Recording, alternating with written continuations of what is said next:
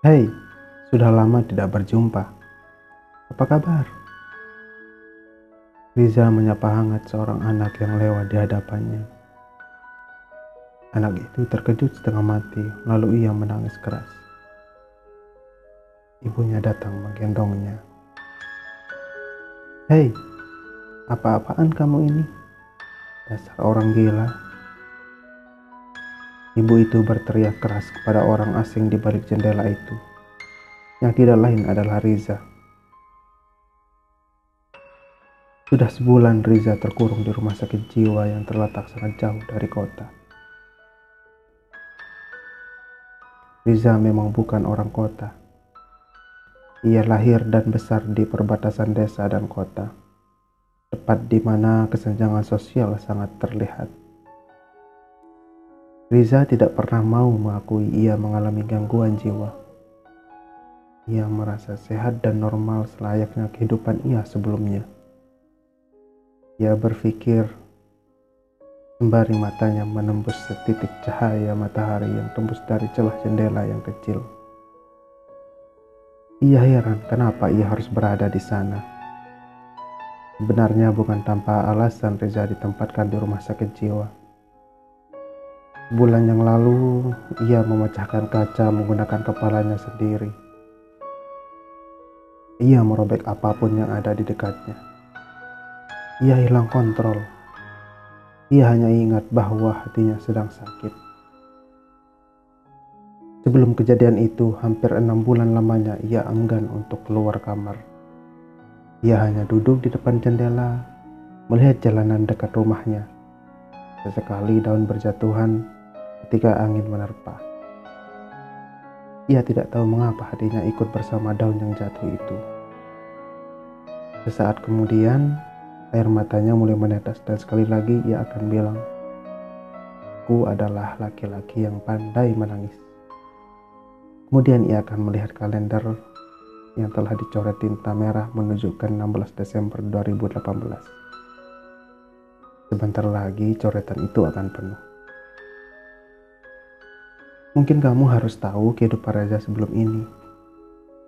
Tepat setahun yang lalu, di tanggal 16 Desember 2017, ia memasuki kelas baru. Ia dipindahkan dari sekolah lamanya dan ikut bersama orang tuanya pindah dinas ke sebuah pabrik perbatasan kota. Ia selalu bernasib di perbatasan kota. Tidak pernah di desa ataupun di kota setiap kali pindah wajahnya akan selalu murung. Itu membuat suasana menjadi sunyi. Mereka hanya hidup bertiga. Ayah, ibu, dan anak. Yaitu si Reza sendiri. Bila salah satu di antara mereka murung, maka suasana seketika menjadi sunyi. Riza merapikan barang-barang yang ia bawa. Ia tata sesuai dengan penataan kamarnya yang lama. Tidak lupa juga sebuah patung kecil Pinocchio favoritnya. Aneh memang, seorang laki-laki yang katanya kuat dan jantel banget menurut dia. Tapi Pinocchio tidak akan pernah lepas darinya. Sinar matahari membuat matanya silau saat memasang fotonya di tembok ia berjalan menuju jendela itu dan belum. Dari balik rumputan liar, ia melihat seorang gadis sedang meniup gelembung dengan senyuman. Itu membuat Riza menghentikan waktunya sementara. Matanya tidak berkedip sekian detik. Jantungnya berdegup kencang. Ia merasa aneh. Tapi ini tidak bisa dikendalikan. Riza membuka jendela perlahan. Namun jendela tua itu mengeluarkan suara reot yang besar. Gadis itu sadar keberadaan Riza. Riza kaget bukan kepalang. Ia hilang kontrol lalu ia melepas jendela itu dan kupra. Suaranya terdengar seisi rumah. Riza, ada apa? Tanya ibu dari kejauhan.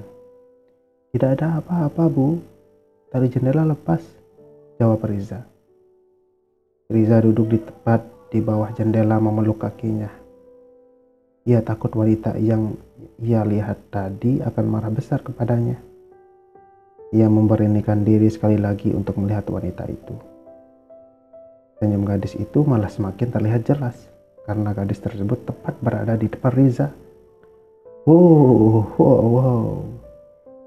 Riza terkaget-kaget bukan kepalang. Ia melempar badannya ke belakang.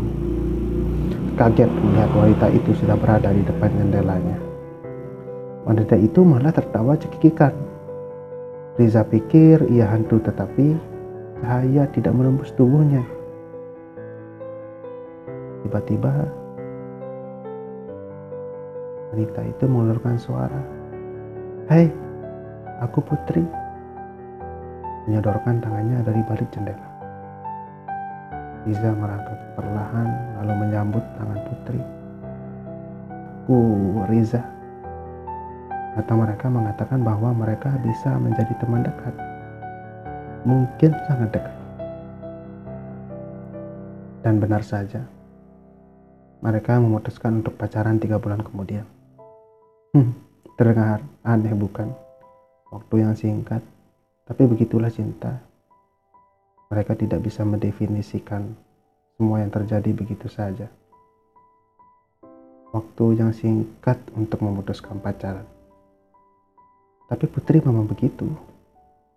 Setelah mereka pacaran pun, Riza merasa Putri adalah malaikat cinta sekaligus malaikat pencabut nyawa. Terkadang ia tiba-tiba menjadi sangat rindu sampai menyuruh Riza datang ke rumahnya tengah malam hanya untuk melihatnya dari jendela. Aneh bukan? Kadang ia juga tidak memberi kabar apa pun dan ketika Riza menghampirinya ke rumah, Putri hanya menitipkan pesan ke ibunya bahwa ia ia sedang ingin sendiri. Begitu seterusnya. Riza terlanjur jatuh ke dalam cinta yang ia tidak kenal sebelumnya. Memutuskan kembali apa hal Memutuskan kembali adalah hal yang paling bodoh yang pernah terlintas di pikirannya. Karena ia datang untuk menjemput Putri ke dalam hidupnya. Kali ini Putri menghilang sangat lama. Reza hanya bersabar karena ia mengerti Putri hanya ingin sendiri. Tapi, apakah akan selama ini? Reza terdiam dan mulai memikirkan apakah Putri memang benar-benar ingin sendiri atau hanya ingin menjauh dari dirinya. Tapi karena apa?